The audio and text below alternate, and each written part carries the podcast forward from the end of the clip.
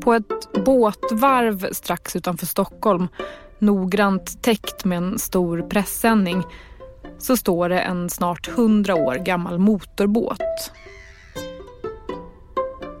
Den är byggd i mahogny som blänker när det är uppputsat. Det är en sån där båt som drar blickar till sig när den glider in i vilken hamn som helst. Och när den inte används så har den säkert ett perfekt måttanpassat kapell som ska skydda den där blänkande mahognyn. Det är en otroligt vacker båt. En klassisk soligt väderbåt. Men en höst för snart 80 år sedan så gav den sig ut på Östersjön mitt i natten.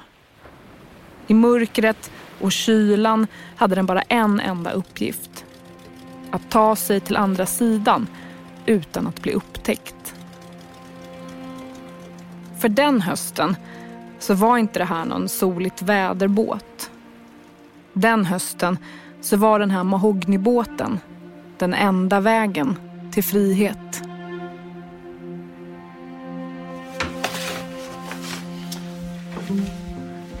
Nu kommer det fram något som ser gammalt ut på riktigt. Ja, det var det så här då.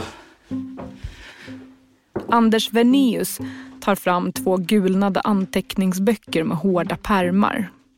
Böckerna är avlånga och sidorna är linjerade. Det är leveransböcker från ett båtvarv på Lidingö. Och de håller fortfarande ihop, trots att de är nästan hundra år gamla.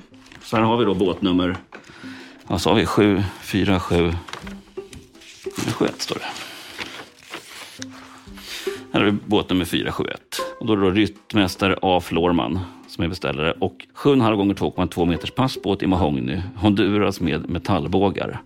Honduras, vad är det? Honduras mahogny. Ja. Motor Chrysler 8 cylindrar, bensintank 230 liter. Och sen står det en massa axel och propeller och fart och så är det 29 knop.